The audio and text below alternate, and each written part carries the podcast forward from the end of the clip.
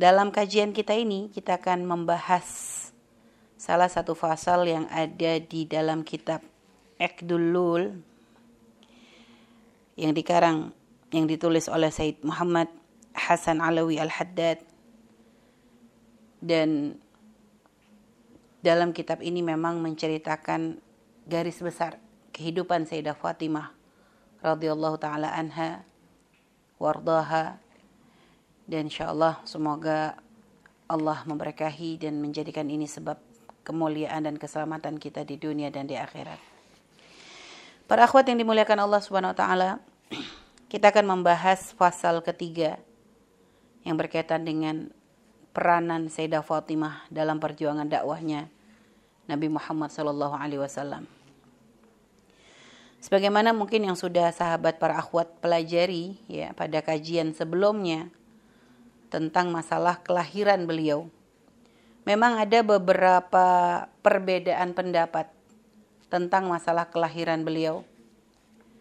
Ada pendapat yang mengatakan bahwa beliau lahir lima tahun qoblan nubuah. Jadi sebelum Nabi diangkat menjadi Nabi, lima tahun sebelum Nabi diangkat menjadi Nabi, tepatnya di usia Nabi yang ke-35 tahun yang bertepatan dengan peristiwa peletakan Hajarul Aswad. Mungkin peristiwa ini para akhwat sudah pernah sangat sering mendengar bahwa ketika ada pemugaran Ka'bah yang saat itu dilaksanakan oleh orang-orang Makkah dan sekitarnya, maka mereka membangun Ka'bah dari rizki yang paling halal dan ini termasuk peristiwa di mana um, orang-orang ahli Makkah saat itu dan sekitarnya ini sama-sama gotong royong dalam keakraban untuk membangun Ka'bah. Yang lalu atas kehendak Allah Subhanahu wa taala Allah pilih nabi kita menjadi orang yang mengembalikan Hajarul Aswad di tempatnya. Nah, dikatakan bertepatan dengan peristiwa inilah Sayyidah Fatimah itu lahir. Tapi ada lagi pendapat yang menceritakan bahwasanya Sayyidah Fatimah itu lahirnya adalah ketika setelah peristiwa Isra dan Mi'rajnya Nabi Muhammad SAW dikatakan pada waktu itu Rasulullah ketika berisra dan Mi'raj beliau diperlihatkan surga. Lalu ketika beliau berada di dalam surga beliau memakan satu buah apel ya yang ada di dalam surga dan setelah beliau memakan buah apel tersebut lalu beliau pun pulang kembali dan setelah itu beliau menggauli Sayyidah Khadijah dan saat itulah oleh Allah uh, terlahir mulai terlahirlah Sayyidah Fatimah itu setelah peristiwa tersebut. Akan tetapi untuk pendapat yang kedua ini banyak kelemahannya. Banyak kelemahannya karena kalau memang Sayyidah Fatimah ya ini baru lahir setelah Isra Mi'rajnya Nabi, usianya nggak ketemu. Usia hitungan usia beliau tuh nggak ketemu dari mulai lahir sampai wafat ya. E, dan juga peristiwa Isra dan Mi'raj itu pun terjadinya itu adalah setelah wafatnya Sayyidah Khadijah. Jadi makanya tidak ketemunya di situ, agak rancu. Jadi kita menem, uh, kalau dengan dipasti dengan di, dikatakan riwayat yang ini, jadi ada beberapa kerancuan antara peristiwa satu dengan yang lain. Karena kalau dari beberapa banyak kisah kita melihat bahwa beliau melihat peristiwa dakwahnya Nabi dari awal sampai akhir. Berarti kalau ternyata Nabi sudah diangkat baru lahir, beliau tidak merasa tidak memasuki fase tersebut. Dan juga peristiwa Isra Mi'rajnya Nabi Muhammad SAW, pendapat yang paling kuat ini menjelaskan peristiwa ini terjadi setelah wafatnya Sayyidah Khadijah dan juga Abu Talib. Jadi Nabi pada waktu itu setelah pemboikotan, setelah pemboikotan yang dilakukan oleh orang-orang kafir Quraisy, keadaan Sayyidah Khadijah semakin berat, lalu beliau sakit ya. Eh, Abu Talib terlebih dahulu yang meninggal, setelah itu dilanjut oleh Sayyidah Khadijah, dan ini merupakan pukulan bagi Nabi kita Nabi Muhammad SAW. Belum lagi karena memang dakwah setelah wafatnya Sayyidah Khadijah dan juga setelah wafatnya Abu Talib itu menjadi semakin berat bagi Nabi. Sehingga akhirnya Nabi mencoba terus bagaimana cara agar dakwah beliau diterima dan termasuk upaya beliau adalah beliau melakukan perjalanan menuju ke Taif. Menuju ke Taif untuk menyebarkan dakwah Islam, tapi ternyata yang didapat oleh beliau tuh sangat di luar dari apa yang beliau bayangkan. Harapan beliau Islam bisa semakin meluas, tapi ternyata beliau disambut sebenarnya awalnya disambut dengan baik, tapi ketika beliau mulai mengajak orang-orang untuk beriman kepada Allah agar memeluk agama Islam, Nabi diperlakukan dengan sangat-sangat tidak manusiawi. Bahkan ini termasuk peristiwa di mana orang Arab itu, orang Arab dikenal sebagai ikromud jadi orang Arab itu dikenal sebagai masalah menghormati tamu tuh luar biasa. Tapi ternyata ini pelanggaran yang dilakukan oleh orang Taif karena Nabi sebagai tamu tapi ternyata Nabi diperlakukan dengan sangat tidak manusiawi. Jadi Nabi sampai dipukuli, dilempari kotoran dan sebagainya. Sehingga beruntunnya ujian berat yang dihadapi oleh Nabi kita Nabi Muhammad Sallallahu Alaihi Wasallam, Allah di sini ingin mendidik Nabi Muhammad adabani rabbi fa ahsana ta'dibi yang mendidik Nabi adalah Allah. Jadi Allah ingin menjadikan Nabi semakin lebih kuat akan tetapi pun Allah menjanjikan fa inna ma'al usri yusra inna ma'al usri yusra. Sungguhnya setelah kesulitan itu ada kebaikan. Dan kadang kesulitan sedikit yang Allah beri ini akan dibalas dengan banyak kebaikan bagi semua hamba yang sabar, yang selalu berprasangka baik kepada Allah dan tidak berputus asa dari rahmat Allah Subhanahu wa taala. Sehingga akhirnya dengan ujian-ujian yang diberikan kepada nabi kita Nabi Muhammad SAW, akhirnya Allah memberikan hadiah kepada nabi yaitu dengan peristiwa Isra dan Mi'raj. Ya, Isra dan Mi'raj itu adalah merupakan hadiah. Dan ini sebenarnya pendidikan bagi kita umat Nabi Muhammad SAW. Jangan pernah berprasangka buruk kepada Allah. Artinya ketika siapa pun di antara kita diberi ujian, yang mungkin saat itu ketika kita menjalaninya kita merasa berat. Yakinlah. Kalau kita sabar, kita senantiasa bertawakal, kita senantiasa menerima keadaan dan terus berserah kepada Allah Subhanahu wa taala, maka Allah akan memberikan jalan, akan memberikan solusi, akan memberikan kebahagiaan, akan memberikan pahala. Ini adalah balasan bagi bagi eh, orang-orang uh, yang beriman ya, orang-orang yang beriman dari umat Nabi Muhammad SAW. Baik kembali kepada kisah Sayyidah Fatimah. Jadi kalau pendapat tadi yang kedua, ini memang ada rancu sedikit karena memang ada bertentangan dengan peristiwa-peristiwa yang lain. Sehingga memang dalam pendapat yang jumhur ya, dalam um, ahli sunnah wal jamaah, ini dikatakan lahirnya Sayyidah Fatimah ini adalah lima tahun sebelum peristiwa an-nubuah, sebelum dan qoblan nubuah. Yaitu dan memang peristiwa beliau itu dipaskan oleh Allah dengan peristiwa besar yang terjadi sebelum kenabian Nabi Muhammad SAW yaitu ketika Nabi dipilih oleh orang-orang kafir Quraisy saat itu uh, dengan petunjuk dari Allah Subhanahu wa taala bahwa mereka berharap yang memberi yang akan meletakkan Hajar Aswad adalah orang yang pertama kali memasuki masjid dan terpilihlah Nabi Muhammad maka peristiwa ini memang dipaskan. Dipaskan untuk supaya menjadi kemudahan di dalam mengingat uh, dan ini di menurut pendapat uh, riwayat daripada Sayyidina Abbas diceritakan bahwa pada peristiwa inilah Sayyidah Fatimah itu dilahirkan. Di sini kita akan mulai membacakan ya. Kita akan bacakan fasal dari ketiga, fasal ketiga ini Bismillahirrahmanirrahim. Fasal ketiga fi jihadiha wa tahammuliha lid-da'wah. Fasal ketiga ini menceritakan tentang jihadnya Sayyidah Fatimah dan bagaimana beliau menanggung beban tanggung jawab untuk ikut dalam dakwahnya Nabi Muhammad wasallam. Waqad nasya'at hadhihi sayyidatu tahirah. Sayyidah Fatimah ini Allah telah memilih jalan hidup bagi Sayyidah Fatimah yang suci. Ya. Beliau tuh diarahkan ditunjukkan jalan oleh Allah Subhanahu wa taala. Artinya memang jalan hidupnya Sayyidah Fatimah itu memang sudah dipilih oleh Allah Subhanahu wa taala. Mundu tufulatihal bakirah. Dari mulai ketika beliau tuh usianya masih kecil dari mulai awal ya. Mujahidatan sabirah.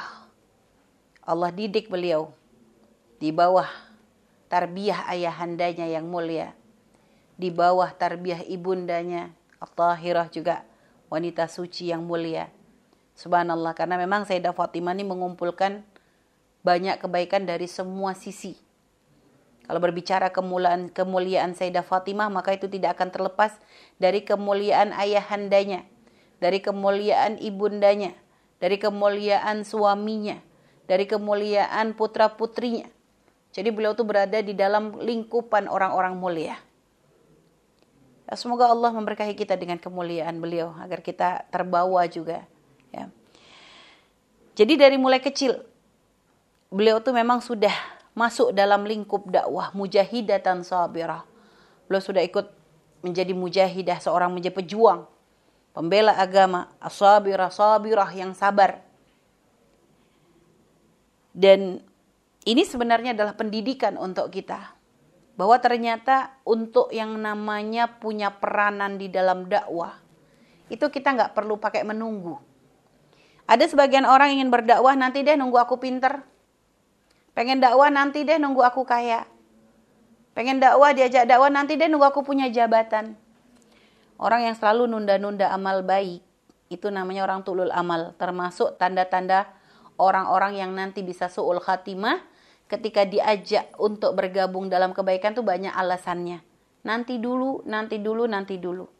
Orang yang terbiasa seperti itu, bahkan ketika nanti dia diberi kesempatan untuk menjadi kaya atau berilmu, sudah nggak punya semangat. Kenapa? Karena sudah selalu sering menunda-nunda amal baik. Maka sebenarnya dari belajar dari kisah Sayyidah Fatimah ini, ya, dari bagaimana Allah membimbing beliau menjadikan beliau punya peran dalam dakwahnya Nabi Muhammad SAW itu gak dimulai ketika beliau dewasa bahkan dari kecil artinya ketika memang kalau beliau lahir lima tahun sebelum sebelum qoblan nubuah berarti ketika beliau melihat ayahandanya mendapatkan wahyu pertama usia beliau kurang lebih baru lima tahun. Artinya usia yang sangat kecil. Akan tetapi memang beliau sudah mulai melihat apa yang terjadi dalam kehidupan keluarganya, bagaimana ayahandanya itu pertama kali mendapatkan wahyu, ketakutan yang dirasakan oleh ayahandanya ketika pertama kali mendapatkan wahyu dari Allah Subhanahu taala. Lalu bagaimana Sayyidah Khadijah sebagai seorang istri yang memberikan kekuatan, menghibur Nabi, menguatkan Nabi, percaya dengan apa yang disampaikan oleh Nabi. Ini beliau tuh menyaksikan itu semuanya. Beliau menjadi saksi sejarah paling sempurna dari awal sampai nihaya, sampai penutup, sampai Nabi wafat. Jadi Mang dididik dan beliau pun akhirnya ikut ambil peran di dalam dakwah dengan apa yang beliau punya dan itu seharusnya menjadi motivasi bagi kita bahwa di dalam memasuki yang namanya dunia dakwah jangan pakai menunggu. Apa pun yang bisa kita lakukan untuk punya peran dalam dakwah, untuk menjadi orang yang bermanfaat bagi umat Nabi Muhammad SAW, maka ayo kita bergabung di dalamnya. Kok ternyata saya nggak punya ilmu, saya nggak punya kemampuan untuk mengajar, eh jangan ngajar. Kalau nggak punya kemampuan ngajar, kalau ngajar menyesatin umat, menyesatkan umat. Jadi kalau ternyata kita nggak punya kemampuan mengajar, ya kita nggak punya nggak punya ilmu untuk mengajar, jangan memaksa diri untuk mengajar, karena nanti menjadikan orang tersesat. Lalu apa yang bisa saya lakukan dalam dakwah? Kamu nggak bisa ngajar, kamu, tapi kamu bisa mengajak orang untuk ikutan belajar. Lo itu dakwah. Ketika ternyata kita nggak punya harta untuk ikut ambil peran di dalam dakwah. Saya nggak punya harta nih di saat orang lain uh, berlomba-lomba bersodakoh atau melakukan kegiatan-kegiatan puasa. Saya nggak bisa membantu dengan harta. Oke, kamu nggak bisa bantu dengan harta. Tapi Allah tidak akan pernah memberikan hamba tuh semuanya kekurangan. Kamu bisa bantu dengan tenaga. Bisa bantu dengan tenaga. Kamu bisa ikut ambil andil dalam kegiatan tersebut. Apa yang bisa kamu lakukan? Seandainya kamu bisa jadi bagian ngambilin sampahnya, jangan gengsi. Karena kalau seandainya dalam kegiatan mulia mengambil sampah di situ, itu nilainya ibadah kok. Kalau ini adalah untuk kegiatan mulia, kita menjadi pemungut sampah di tempat-tempat mulia, itu nilainya ibadah, jangan dianggap remeh. Karena segala hal yang berkaitan dengan kemuliaan, jika di situ adalah majlis-majlis yang di situ disyiarkan syiarnya Islam, syiarnya Nabi Muhammad SAW, menjadi pemungut sampahnya pun itu adalah hal mulia. Karena Nabi sendiri pernah memuliakan tukang bersih-bersih yang hidup di zaman Nabi Muhammad SAW. Bagaimana Nabi pernah satu hari mencari seorang wanita yang biasanya menyapu di sekitar Masjid Nabawi.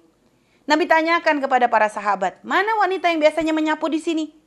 Seorang wanita kulit hitam, ya, yang nggak pernah diperhatikan oleh orang-orang. Akan Nabi Nabi memperhatikan, Nabi melihat bahwa beliau tuh selalu menyapu di sekitar masjid. Ditanya ketika nggak kelihatan ditanya oleh Nabi, mana wanita tersebut?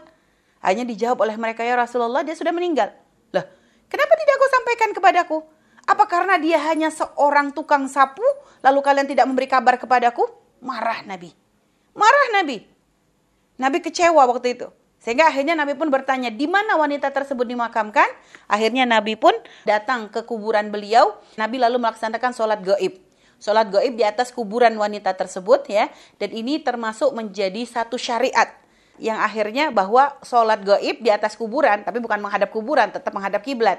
Bukan sholat untuk kepada sholat gaib, sholat mayit gaib di atas kuburan ini menjadi satu perkara yang diperkenankan. Ini terjadi karena peristiwa tersebut. Menunjukkan Nabi nggak pernah meremehkan siapa pun yang punya peran dalam kebaikan dan kemuliaan. Maka di sini subhanallah, artinya ini jadi motivasi kita. Sayyidah Fatimah dari kecil, dari belum ngerti apa-apa, dari belum mampu mungkin beliau belum punya hafalan yang banyak, belum belum belajar yang banyak. Akan tetapi Nabi sudah mendidik beliau untuk ambil peran di dalam dakwahnya Nabi Muhammad Sallallahu Alaihi Wasallam. Lalu seperti apa sih peran dakwahnya beliau itu? Sejauh mana beliau itu ikut berperan dalam dakwah Nabi dari mulai kecilnya? Jadi tentu ya, yang namanya buah nggak jatuh jauh dari pohonnya. Ini memang ya Sayyidah Fatimah ya begitu. Beliau memang ya dari apa yang beliau lihat, kemuliaan ayahnya, beratnya perjuangan dakwah ayahnya, lalu kesabaran ibundanya di dalam menemani ayahandanya di dalam berdakwah. Ini benar-benar menjadikan Sayyidah Fatimah tuh menjadi anak yang mungkin kalau kata kita sekarang nih anak gede sebelum umurnya gitu ya. Jadi beliau itu sudah dewasa sebelum waktunya. Jadi sudah langsung beliau tuh sudah memang menunjukkan kedewasaan. Usia seperti beliau harusnya masih main sama anak-anak kecil ya, lari sana lari sini. Eh enggak, beliau enggak enggak ada kesempatan untuk seperti itu. Ketika anak kecil lari-lari main sana sini, beliau apa yang dilakukan? Mengikuti langkah-langkah ayahandanya. Di sini nanti akan kita ceritakan.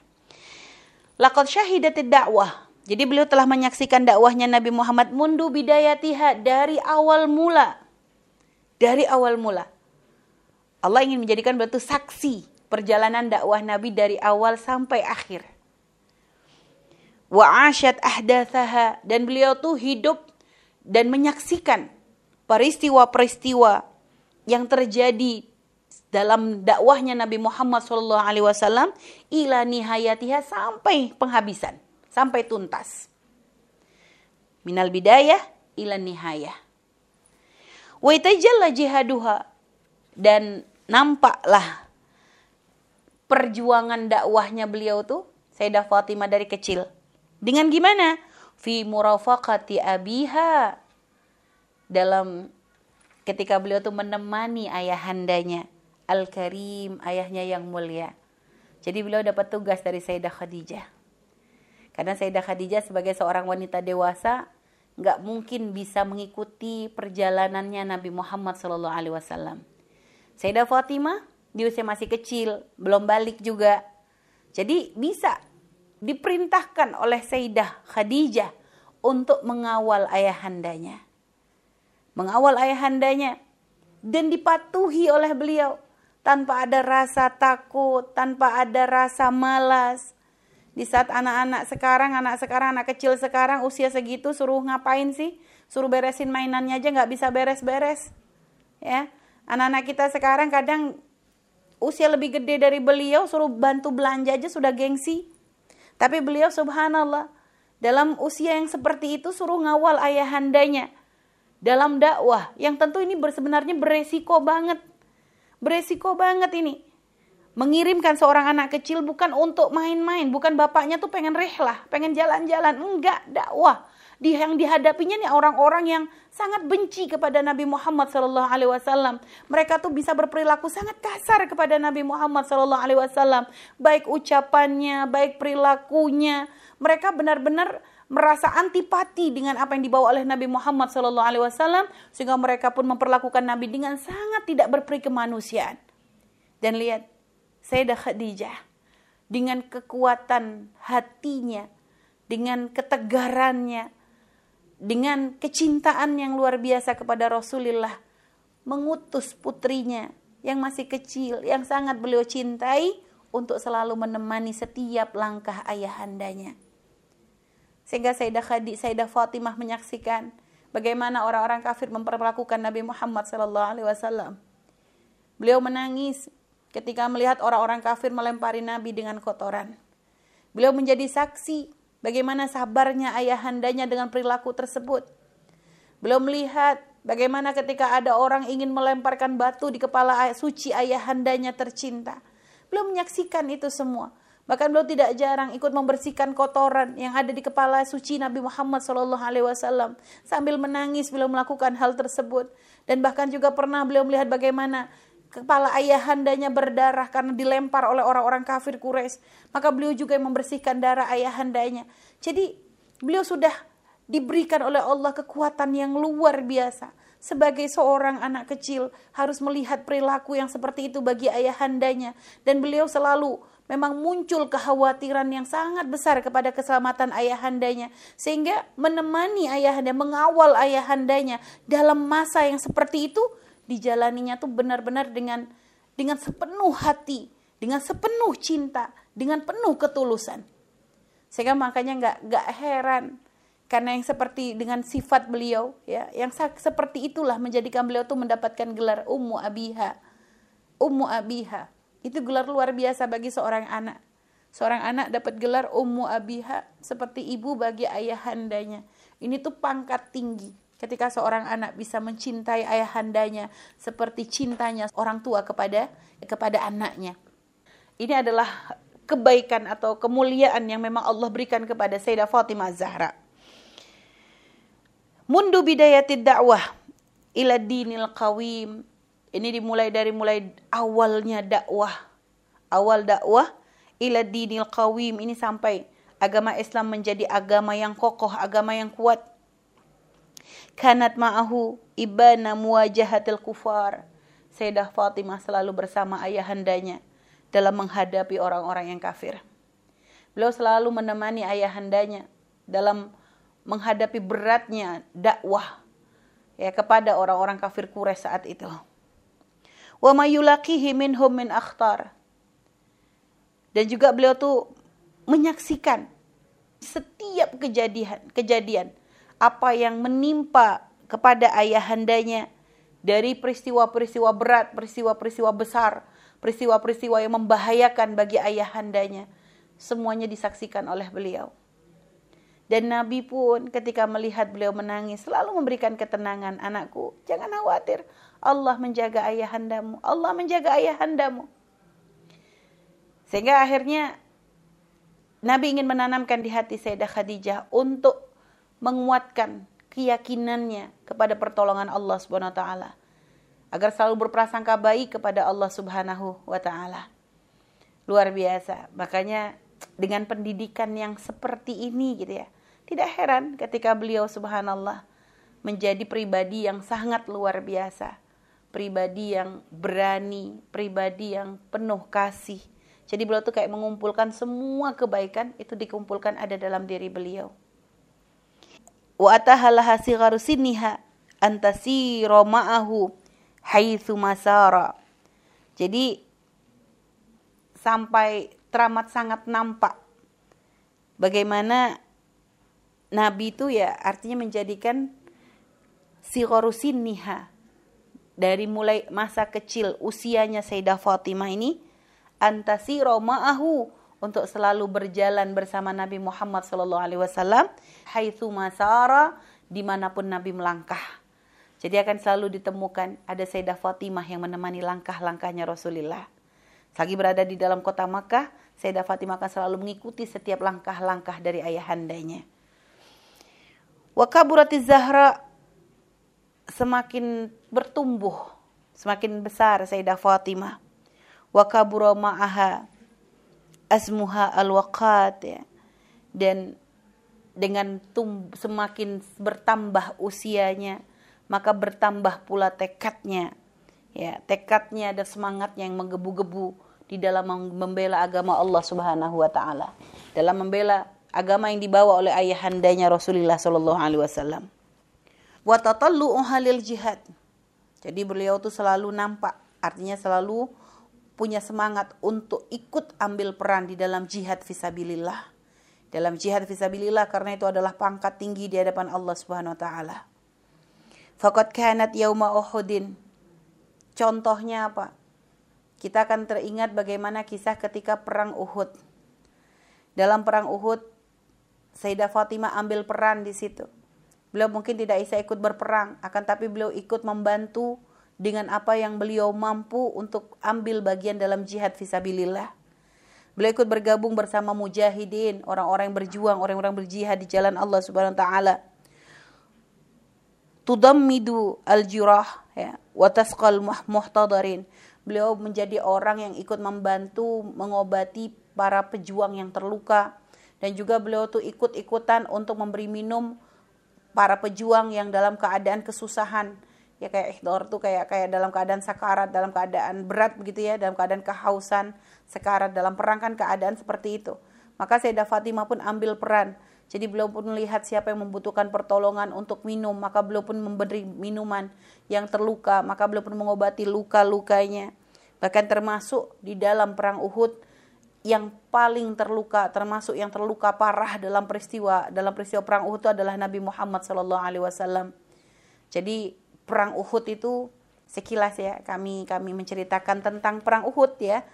Perang Uhud itu terjadi setelah perang Badar jadi kekalahan orang-orang kafir Quraisy dalam perang Badar menjadikan mereka tuh dendam dengan umat Islam sehingga mereka saat itu ingin memerangi Nabi Muhammad dan orang-orang muslim. Saat itu Nabi ketika mendengar kabar bahwa orang-orang kafir Quraisy bergabung bersama kabilah-kabilah yang lain untuk memerangi umat Islam, Nabi pun mengajak para sahabat untuk bermusyawarah.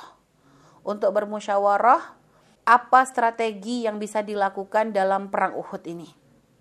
Awalnya, dalam rapat tersebut, Nabi lebih memilih agar orang-orang Islam bertahan di kota Madinah. Artinya menyambut musuh di kota Madinah, menjadikan kota Madinah ini e, benteng yang nantinya nanti untuk menghadapi musuh. Hanya di dalam rapat. Di dalam rapat tersebut banyak sahabat yang waktu itu nggak bisa ikut perang Badar. Karena perang Badar itu kan perang yang tidak diduga-duga. Perang nggak sengaja. Niatnya mah cuma sekedar ngerebut merampas harta yang dibawa oleh Abu Sufyan yang itu merupakan haknya orang-orang muhajir. Eh ternyata akhirnya terjadi perang. Sehingga akhirnya sahabat-sahabat yang nggak ikut tuh gelo. Gelo itu kayak ngerasa kecewa. Kenapa mereka nggak bisa ikut? Ambil bagian. Karena ini adalah peristiwa besar perang Badar ini kan istimewa banget dimuliakan Siapa yang bergabung di situ adalah orang-orang pilihan. Sehingga akhirnya mereka tuh pengen membalasnya dalam perang Uhud. Mereka ketika mendengar bahwa Nabi waktu itu kok memberi saran agar bertahan di kota Madinah, mereka banyak yang komplain. Ya Rasulullah, kami nggak mau kalau dianggap sebagai orang yang pengecut. Jadi bagaimana kalau kita keluar, kita sambut mereka di, di Uhud begitu loh. Jadi keluar dari kota Madinah. Dan Nabi orang bijak. Nabi orang yang sangat bijak. Nabi sebenarnya sudah mendapatkan petunjuk dari Allah Subhanahu wa taala bahwasanya sebenarnya akan terjadi peristiwa kalau memang sampai nanti ke Uhudnya akan ada peristiwa yang nantinya akan membawa mudarat untuk orang muslim. Akan tetapi Nabi itu di dalam dakwahnya memposisikan diri itu bukan hanya sekedar sebagai nabi, tapi Nabi memposisikan sebagai seorang imam yang itu nanti akan menjadi panutan bagi umat Islam, menjadi ibrah, menjadi pelajaran bagi umat Islam. Sehingga Walaupun Nabi punya pendapat, yang tentunya pendapat Nabi ini adalah dengan bimbingan dari Allah Subhanahu wa taala, tapi jika pendapat Nabi tersebut bertentangan dengan pendapat yang terbanyak, Nabi nggak egois. Nabi akhirnya memilih apa yang diminta dari pendapat sahabat bahwa mereka keluar dari kota Madinah. Ini pendidikan luar biasa. Pendidikan luar biasa dari Nabi Muhammad SAW. Artinya siapa pun yang dipilih menjadi pemimpin jangan egois sok bener pendapatnya nggak bisa diganggu gugat berarti belum kenal dengan dakwahnya Nabi Muhammad. Seharusnya menjadi pemimpin semakin lebih memberi kesempatan kepada siapa pun untuk bisa mengeluarkan pendapat. Ini memang Umi sengaja memang menghadirkan perang Uhud ini karena memang penting banget ya karena untuk kita tuh benar-benar tahu uh, sejarah perjuangan Nabi Muhammad SAW karena dalam setiap perjalanan dakwah Nabi itu banyak ibrah garis besar pelajaran penting yang bisa kita ambil dari perang Uhud yaitu bagaimana bijaknya Nabi dalam menerima pendapat para sahabat walaupun bertentangan dengan apa yang beliau inginkan. Sehingga akhirnya beliau pun menyetujui pendapat para sahabat untuk keluar dari kota Madinah. Akan tetapi, sahabat Nabi pun orang-orang pilihan. Mereka adalah orang-orang istimewa. Sehingga ketika mereka tuh menangkap bahwasanya Nabi itu seakan-akan agak berat untuk menerima. Akhirnya Nabi lebih condong di Madinah. Akhirnya mereka pun tarajuk, artinya mereka pun menarik kembali pendapat mereka lalu berkata, "Ya Rasulullah, kalau memang menurutmu berada di Madinah lebih baik, maka gak apa-apa, kami akan ikut dengan apa yang kau inginkan." Jadi para sahabat pun adabnya kepada Nabi luar biasa sehingga mereka pun ingin mengikuti apa yang tadi Nabi e, Nabi sarankan. Tapi pun Nabi adalah orang yang bijak karena tadi memang mayoritas sahabat menginginkan untuk keluar dari kota Madinah, maka Nabi pun memilih pendapat yang terbanyak. Nabi tidak pernah egois. Nabi katakan jika seorang pemimpin sudah memakai baju perangnya, maka tidak pantas untuk dilepas kembali. Artinya pendapat para sahabat lah yang diambil, akan tapi Nabi di situ mewanti-wanti para sahabat ya untuk bahwa mereka itu terutama khusus bagi para rumah itu ahli panah ya bagi para pemanah untuk tidak turun ke bawah karena mereka ditempatkan di tempat yang tinggi, dataran tinggi uh, Jabal Rumat itu ya. Uh, itu ditempatkan tempat khusus dengan tujuan karena mereka itu posisi yang strategis. Sehingga Nabi katakan apa pun yang terjadi, kami menang, kami kalah, kalian tetap berada di atas. Jadi mereka tuh menjadi pertahanannya umat Islam. Dan subhanallah Nabi pesankan jangan turun. Maka sebenarnya subhanallah dalam perang Uhud ya, dalam perang Uhud itu sebenarnya Islam tidak kalah. Islam tidak kalah karena kekalahan dalam perang itu biasanya ditandai dengan apa? Mendapatkan harta rampasan yang banyak dan juga jumlah wafat. Tapi sebenarnya yang wafat dalam perang Uhud antara orang kafir dengan orang Islam tuh hampir berimbang. Hanya memang orang kafir banyak meninggal di awal, orang orang orang Islam di penghabisan, di penutupnya itulah. Akan tetapi pun orang kafir tidak mendapatkan harta rampasan karena mereka melihat orang Islam itu tetap tidak gampang menyerah sehingga akhirnya mereka pun segera keluar dari peperangan dan Nabi pun mengumpulkan para sahabat untuk mengejar kaum kaum orang-orang kafir. Jadi menunjukkan sebenarnya tidak ada kekalahan. Hanya kenapa kok disebut sebagai ya dalam banyak sejarah ya disebut sebagai kekalahan itu sebenarnya bukan kekalahan yang sebenarnya. Karena kekalahan itu bukan dalam peperangannya, tapi kekalahan umat Islam yang terjadi saat itu adalah karena ketidakpatuhannya kepada perintahnya Nabi Muhammad SAW.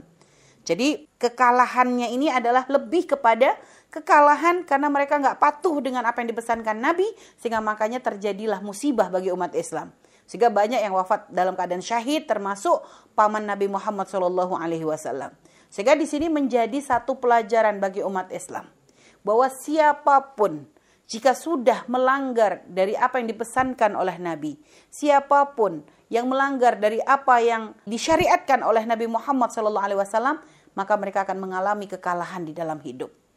Jadi kekalahan dalam hidup itu ketika kita tidak bisa patuh dengan perintahnya Nabi Muhammad SAW. Kekalahan yang sesungguhnya ketika kita nggak bisa menjaga syariatnya Nabi Muhammad SAW. Nah, sehingga peristiwa ini memang menjadikan berdampak fatal ya. Sehingga saat itu kaum kafir Quraisy ketika mereka melihat ada kesempatan untuk memutar balik keadaan sehingga mereka pun kembali. Karena waktu itu memang kaum kafir Quraisy dipimpin oleh Khalid bin Walid yang memang belum masuk Islam. Sehingga memang beliau memang punya kecerdasan di dalam e, melihat situasi di dalam peperangan maka beliau pun kembali untuk menyerang umat Islam dan termasuk yang waktu itu menjadi sasaran bagi orang kafir Quraisy adalah Nabi Muhammad Shallallahu Alaihi Wasallam. Sehingga akhirnya Nabi pun sempat dikeroyok lah, e, dikepung oleh orang-orang kafir Quraisy ya. Sehingga subhanallah dalam perang Uhud tersebut Nabi dilempar dengan dengan apa? dengan alat begitu ya. Jadi sampai e, Nabi itu berdarah sampai dikatakan geraham beliau tuh patah ya beraham beliau tuh patah dan memang saat itu darah itu terus-terusan keluar ya. Dan Sayyidah Fatimah di sini punya peran yang luar biasa ketika melihat ayahandanya terluka, beliau lalu bergerak cepat ya. Padahal beliau ya biasanya seorang anak atau keluarga kalau yang yang diobati ini adalah keluarganya tuh biasa kan menjadi gugup. Tapi karena Sayyidah Fatimah memang terlatih menjadi orang yang bermental kuat, sehingga dalam kondisi beliau sangat sedih sebenarnya melihat darah yang terus mengalir dari dari dari ayahandanya akan tapi tidak menjadikan beliau itu kalut lalu tidak bisa berpikir dengan normal, enggak. Beliau mencoba menghentikan darah ayahandanya tuh dengan berbagai macam cara. Beliau coba tahan gitu kan. Uh, beliau coba bersihkan, beliau coba berhentikan, tapi ternyata darah Nabi ini masih terus keluar. Nah, di sini diceritakan tadammadul jirah wa tasqal muhtadarin wa fi yaumi Uhudin kanat Fatimah al-Habibah. Dan di dalam perang Uhud ini terjadi peristiwa di mana Sayyidah Fatimah al-Habibah yang tercinta lijurhi abihal lijurhi abihal mudawiyat tabibah Beliau menjadi orang yang mengobati, menjadi dokter, menjadi orang yang mengobati ayahandanya yang saat itu terluka. Karena Aliun yasubbul ma. Sayyidina Ali saat itu bekerja sama dengan Sayyidah Fatimah, Sayyidina Ali yang menyiram yang menyiram air, yang membantu Sayyidah Fatimah untuk menyiram air, wahya dam, lalu Sayyidah Fatimah yang membersihkan darah yang keluar dari dari ayahandanya. Uh, sallallahu alaihi wasallam dari wajah dari wajah suci uh, Rasulullah Shallallahu Alaihi Wasallam walamma lam yatawaqqafin nazif ya.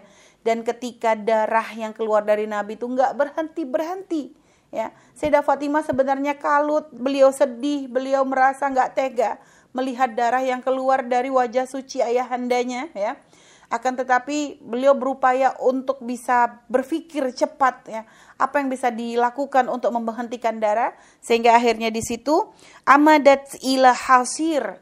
Maka beliau lalu mengambil hasir tuh kayak kayak tiker begitu ya tiker dari apa gitu ya uh, tikar-tikar yang kayak dari anyaman-anyaman begitu yang lalu fa'ahraqathu lalu dibakar oleh beliau wadammat biramadihil jurah lalu dengan itu ditutupkan ke lukanya Rasulullah Shallallahu alaihi wasallam falta'am lalu akhirnya pun darah pun akhirnya bisa berhenti wa nazif wa alam dan darah berhenti darah yang keluar dari wajah Nabi yang suci berhenti dan juga rasa sakit pun berkurang dengan apa yang dilakukan oleh Sayyidah Fatimah Zahra. Fa'akrim biha min mujahidatin sabiqah. Maka mukhlisatin sadiqah.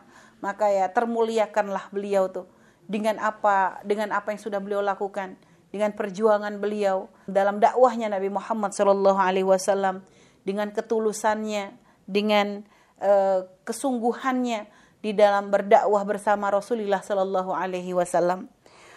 Wa sabruha. Jadi itu peristiwa di dalam perang Uhud ya. Jadi beliau mencoba mengobati luka ayahandanya. Ini adalah satu kemuliaan termasuk di antara kemuliaan-kemuliaan yang Allah berikan kepada Sayyidah Fatimah Az-Zahra. Wa sabruha alaiha salam. Dan dari banyaknya kisah yang terjadi dalam hidup beliau itu menampakkan kesabaran yang luar biasa dalam diri Sayyidah Fatimah radhiyallahu taala anha. Fi muwajahatil ahdasil jisam. Dalam beliau itu menghadapi peristiwa-peristiwa besar, peristiwa-peristiwa berat yang mungkin kalau orang lain sudah nggak mampu untuk bertahan. Mungkin kalau orang lain sudah menyerah, mungkin orang lain sudah stres. Tapi lihat, beliau tegar, beliau selalu berusaha untuk kuat, beliau selalu berusaha untuk membahagiakan ayahandanya, untuk ambil andil dalam peran dakwah yang yang yang memang begitu berat dibawa oleh ayahandanya. Beliau ingin ikut merasakan itu semuanya. Sehingga memang makanya Nabi itu sangat-sangat cinta kepada Sayyidah Fatimah. Karena Nabi tahu betapa besar rasa cinta yang dirasa oleh Sayyidah Fatimah kepada ayahandanya. Dan ini semua tidak terlepas dari pendidikan indah yang diberikan oleh Sayyidah Khadijah Al-Kubra. Yang memang sangat mencintai Rasulullah Sallallahu Alaihi Wasallam.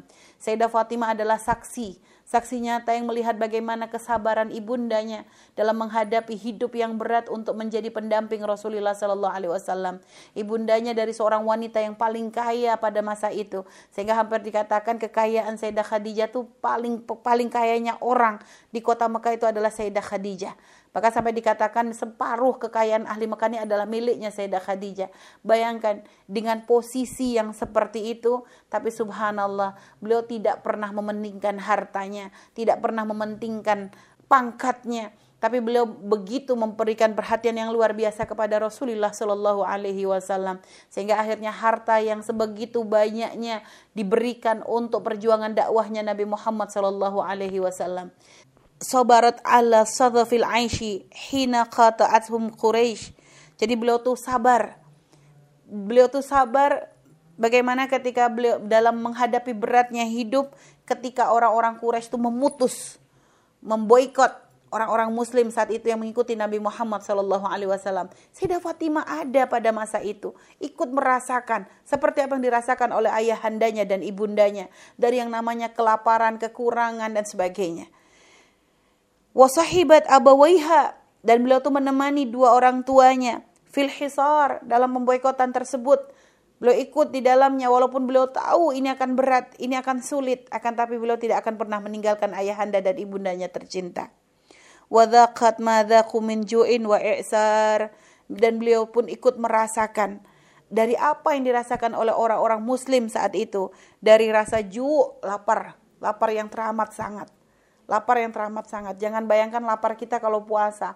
Lapar kita kalau puasa nggak ada apa-apanya dengan lapar yang dirasakan oleh Rasulullah dan para sahabat saat itu.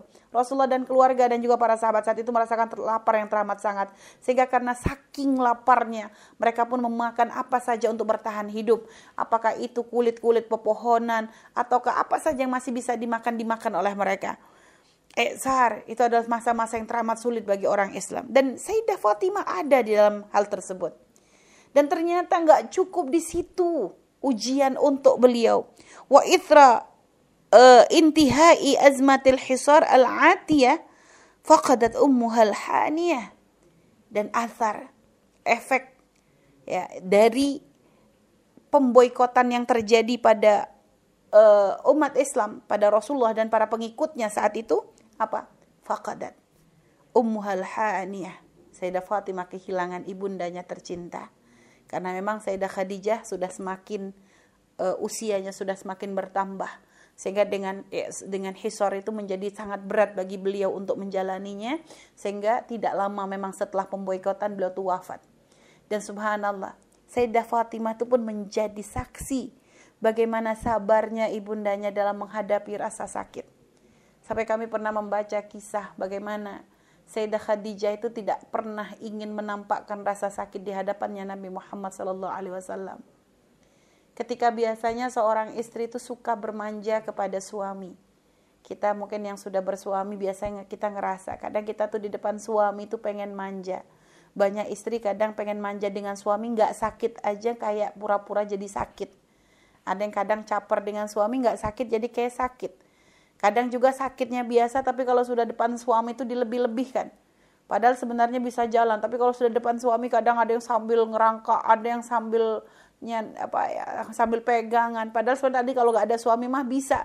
Cuma biasanya para wanita ada yang caper dengan para suaminya. Tapi lihat bagaimana Sayyidah Khadijah ini kita harus benar-benar malu nih bagi para istri yang kadang suka ngerepotin suami dengan pura-pura sakit, caper dan sebagainya nih. Belajar kita daripada Sayyidah Khadijah. Dalam keadaan sakit yang teramat sangat pun beliau tidak ingin menampakkannya kepada Rasulullah Shallallahu alaihi wasallam. Sehingga ketika beliau merasakan sakit, lalu kok beliau melihat bahwa sebentar mendengar suara Nabi Muhammad itu akan datang. Dengar suaranya Nabi ini kayak udah deket nih. Beliau tuh lalu menunjukkan kayak orang yang sehat gitu ya. Beliau nggak mau merasa membuat Nabi khawatir.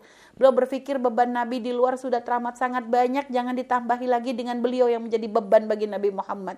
Padahal beliau tidaklah beban. Nabi tidak pernah menganggap beliau beban, tapi Sayyidah Khadijah selalu ingin memberikan yang terbaik untuk Nabi kita Nabi Muhammad Sallallahu Alaihi Wasallam. Dan Sayyidah Fatimah tuh menjadi saksi bagaimana beliau melihat ibundanya kalau sudah di hadapan ayahandanya tuh menjadi orang yang paling kuat, menjadi orang yang paling sehat, tidak ingin menunjukkan sakitnya. Lihat, seorang anak akan mengambil dari apa yang dilihat. Dari ibundanya lah beliau belajar untuk menjadi istri yang solehah.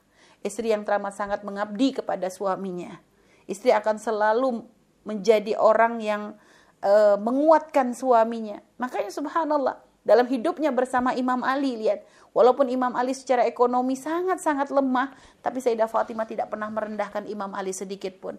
Karena itu yang pernah yang diambil dari pendidikan ibundanya yang mulia. Sayyidah Khadijah nggak pernah. Jadi selalu menunjukkan sehat. Jadi kalau depan Rasulullah tuh kayak sehat. Dia ingin menunjukkan bahwa padahal dulu menahan sakit yang teramat sangat. Dan subhanallah luar biasa.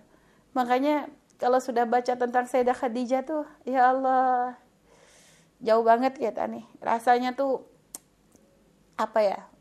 Ya subhanallah. Kita jadi harus banyak belajar artinya kadang ya bagaimana kita tuh untuk melawan ego kita yang ya subhanallah. Makanya memang belajar dari orang-orang mulia itu luar biasa.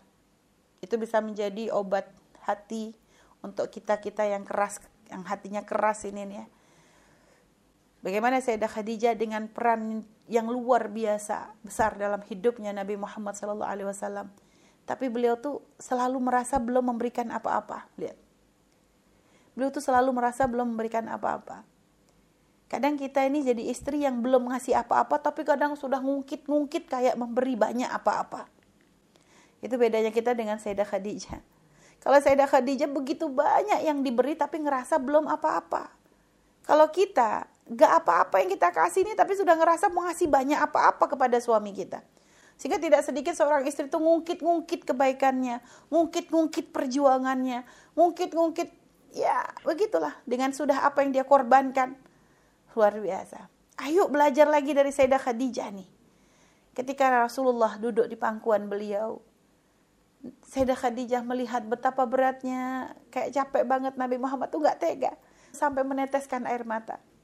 Nabi yang saat itu melihat air mata menetes dari Sayyidah Khadijah pun berkata, "Ya Khadijah, kenapa engkau menangis? Apa engkau menyesal sudah hidup bersamaku?" Karena Nabi tahu berapa berat yang dilakukan oleh Sayyidah Khadijah perjuangan beliau. Kata Sayyidah Khadijah, enggak ya Rasulullah. Hanya saja aku merasa belum bisa memberikan yang terbaik untukmu. Sehingga kadang beliau tuh merasa ketakutan.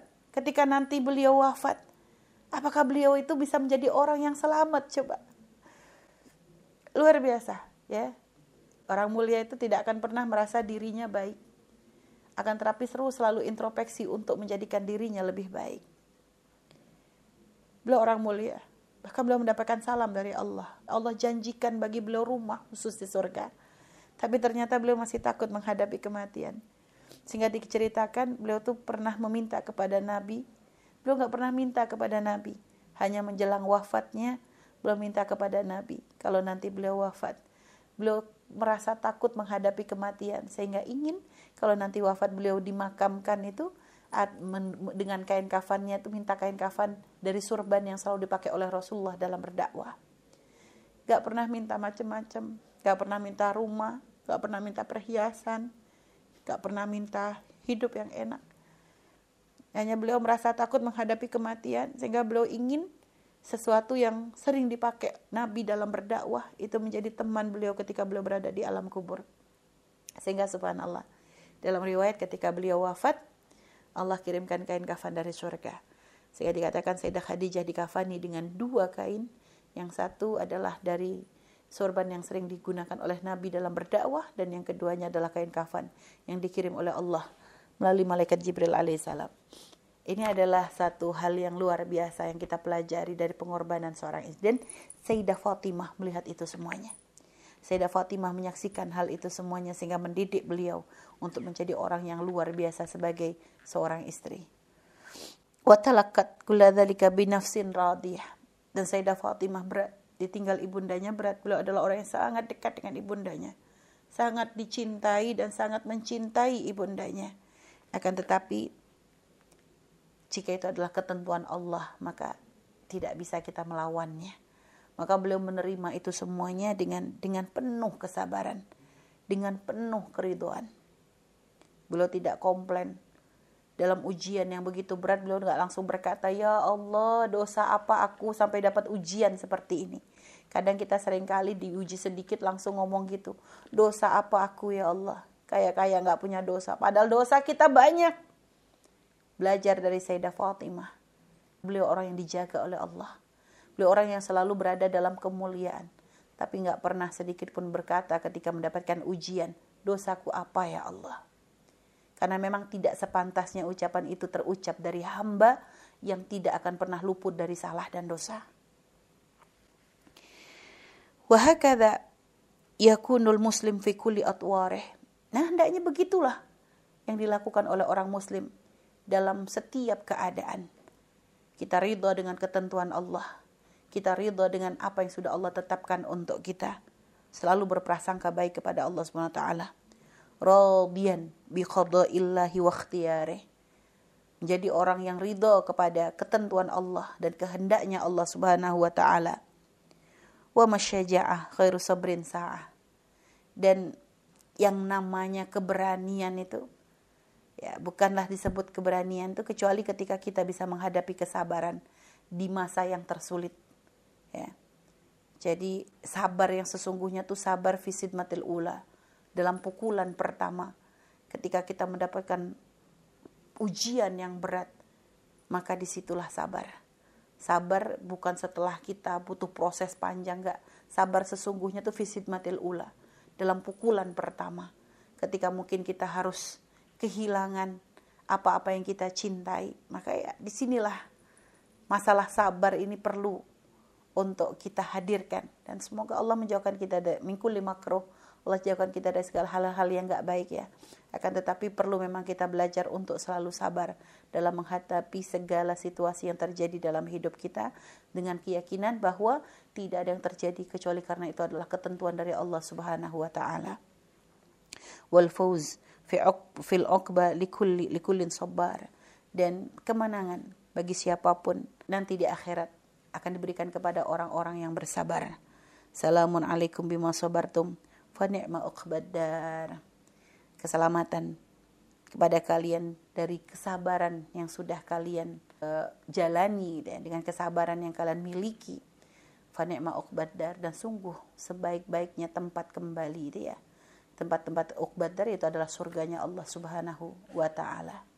Jadi ini adalah gambaran tentang dakwahnya Sayyidah Fatimah Semoga kita bisa meneladaninya dan semoga Allah memberikan kepada kita semangat untuk selalu menjadi orang yang punya kerinduan untuk bisa menjadi orang bermanfaat bagi umat Nabi Muhammad SAW dengan apa yang Allah berikan kepada kita.